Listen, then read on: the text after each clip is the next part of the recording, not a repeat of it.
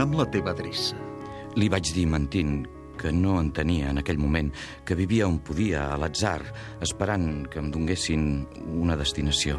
Com jo, ja és el que em semblava. Jo també visc a la que surt d'ençà d'uns mesos. Però conservo aquella garçonier d'abans de la guerra, te'n recordes? Hi havies estat alguna vegada. T'hi havia llegit alguns trossos de les meves novel·les. Ara, amb la congelació dels lloguers, resulta baratíssima. L'he arreglada en pla d'artista. Si vens un dia, xerrarem. Ens hem de veure. Cal que els decebuts comencem a organitzar-nos. I com que jo m'excusava amb evasives, va afegir... Si vens, prometo explicar-te molts altres detalls d'en Solaràs. Fins guardo un carnet de notes que havia estat d'ell.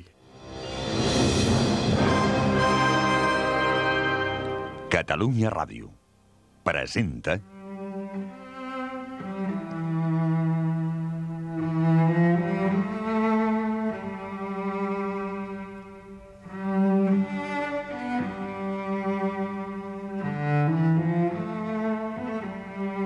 Incerta Glòria, de Joan Sales, en una adaptació lliure per la ràdio d'Oleguer Sarsenedes. Muntatge Ramon Albero. Direcció Juan Germán Schroeder.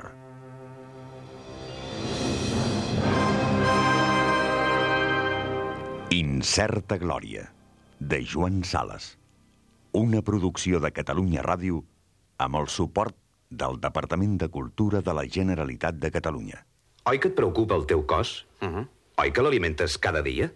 doncs escolta, tu ets el teu cervell. I el teu cervell també l'has d'alimentar. I molt. Dóna-li el millor que hi ha. Allò que té més aliment. Els llibres. Tenen vitamina A, B, C, D, E, F, G, i així totes, fins a la X, la Y i la Z. Alimenta el teu cervell. Llegeix llibres. Catalunya. Endavant amb la cultura. Capítol 63. Miracles.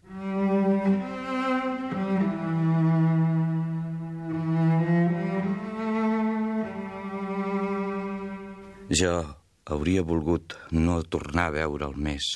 Em feia massa angúnia. Tot en ell era tan tèrbol, tan ambigu, tan equívoc. Què feia? Què havia fet? A qui servia? Què es proposava? Era només un pertorbat que, que es perdia en imaginacions sense cap ni peus, volent-nos donar als altres una idea enigmàtica de si mateix? Una idea que ell creia novel·lesca?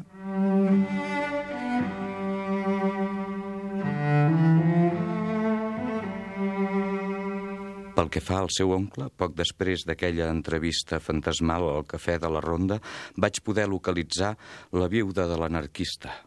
Se n'havia anat del seu pis del carrer de l'Arc del Teatre després d'acabada la guerra, de manera que quan jo havia pogut tornar a Barcelona ja no hi vivia. Se n'havia anat sense dir als altres veïns on anava, i la seva pista semblava una de tantes pistes perdudes en aquells anys d'immensa confusió. Les meves gestions per retrobar-la havien resultat inútils. Però vet aquí que un bon dia, potser tres anys després, va escriure el germà del doctor Gallifa donant per fi senyals de vida. Aquest, al seu torn, m'ho va fer saber.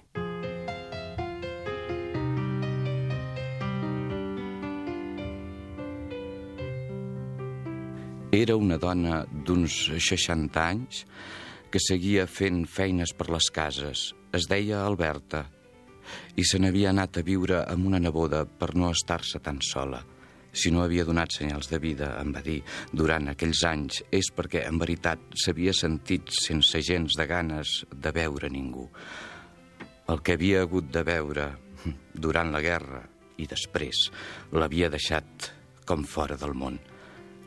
Ara ja se sentia més tornada en si i volia comunicar-nos i tenia el més gran interès tot el que sabia del doctor Gallifa, principalment certs fets estranys relacionats amb ell que s'havien succeït des de la seva desaparició.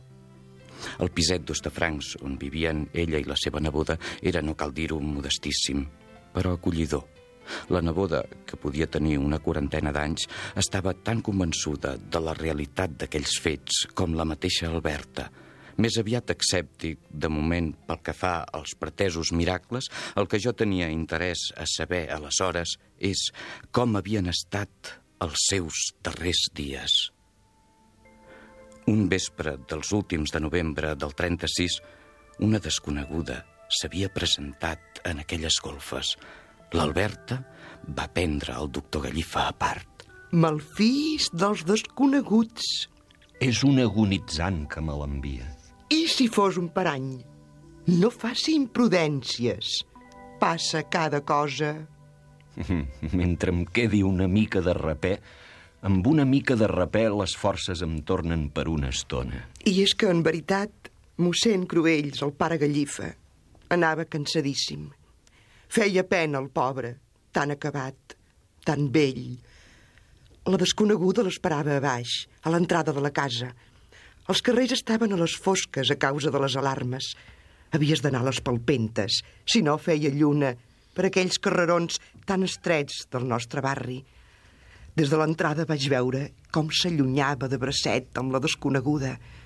Anava amb ella de bracet, sap, per no inspirar sospites, que saben capellans més que mai en aquelles darreries de novembre.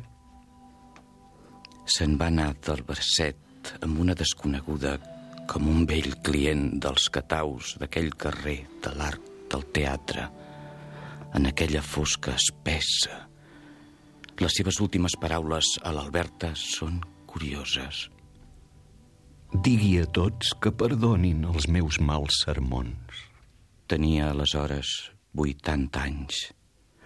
No se n'ha sabut res més.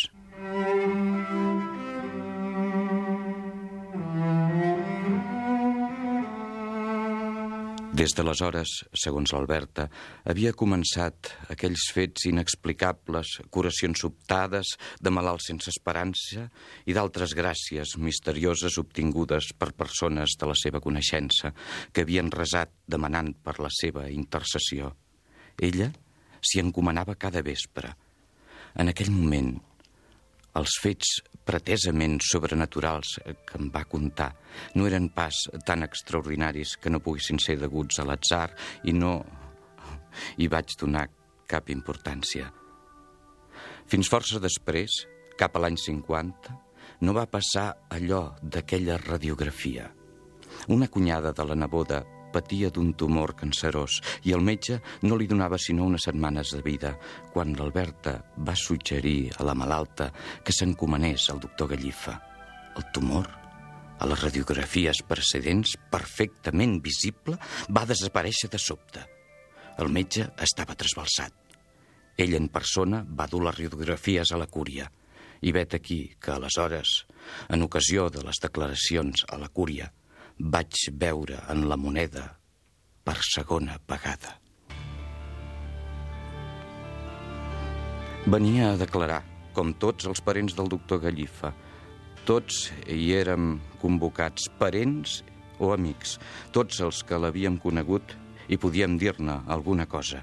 I ell era allí, entre els parents i amics, ell, amb la seva mirada de murri, que no creu en res. Què podia declarar? Què venia a fer? En la moneda s'arrapava els motius més fútils perquè li demanessin noves declaracions. S'empescava coses, improvisava històries sorprenents. No volia quedar-se curt en matèria de fets sobrenaturals. Sí, s'inventava miracles per cridar l'atenció, per caçar al vol un bocí d'aquest pastís prodigiós de la glòria. La glòria per ell consistia a sortir als diaris, Solíem reunir-nos en aquella antecambra del Palau Episcopal que jo coneixia bé, aquella vasta antecambra moblada amb mobles molt feixucs de darreries del segle passat, sofàs i butaques mesopotàmics, sobrecarregats de passamaneria, tot això com sepultat en una penombra espessa i càlida en què flota una vaga sentor com de càmfora. L'entrada de l'arcabisbe feia de sobte el silenci. Apareixia d'improvís, sense fer-se anunciar, per una porteta empaperada com la paret. Sempre sol. Ens mirava a tots amb aquella mirada tan seva i ens escoltava un moment fins que, adonant-nos de la seva presència, callàvem. Pero vaya, ¿es que alguien les ha prohibido a ustedes hablar en español?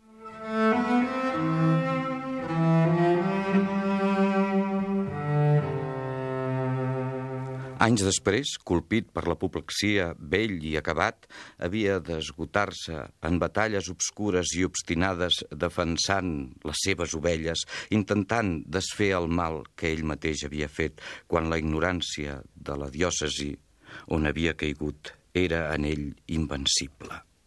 En aquella època, però, seguia trobant inconcebible que ningú al món si no era per pura extravagància, pogués parlar d'altra manera que com ell. Un quart de segle va caldre a la gràcia, ajudada per l'apoplexia, per fer-lo trontollar en les seves conviccions. Era bo. Bo com el pa, però tan curt, senyor.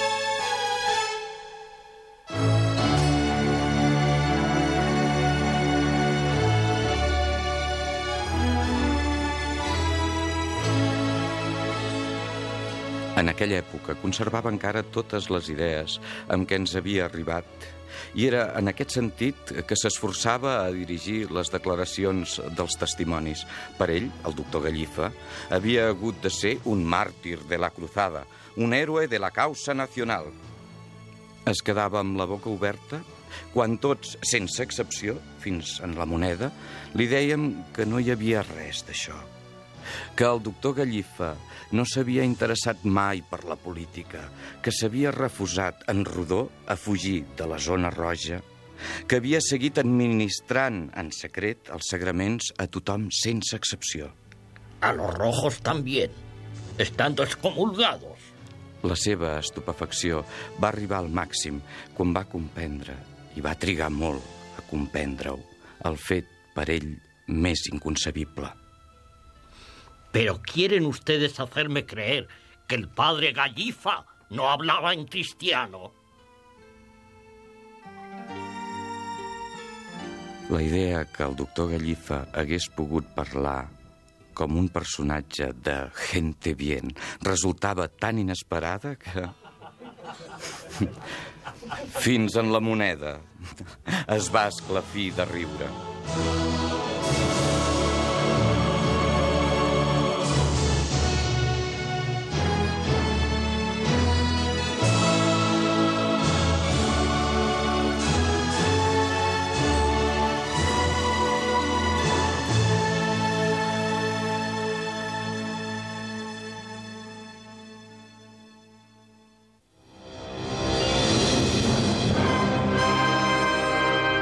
Heu escoltat el capítol 63 d'Incerta Glòria, de Joan Sales, amb les veus de... Cruells, Enric Major. Viuda, Maria Jesús Andany. Pare Gallifa, Francesc Domènec. Arcabisbe, Bartomeu Olsina. Incerta Glòria, de Joan Sales, una producció de Catalunya Ràdio. Amb el suport del Departament de Cultura de la Generalitat de Catalunya. Oi que et preocupa el teu cos? Uh -huh. Oi que l'alimentes cada dia? doncs escolta, tu ets el teu cervell. I el teu cervell també l'has d'alimentar. I molt. Dóna-li el millor que hi ha. Allò que té més aliment. Els llibres. Tenen vitamina A, B, C, D, E, F, G, i així totes, fins a la X, la Y i la Z. Alimenta el teu cervell. Llegeix llibres. Catalunya. Endavant amb la cultura.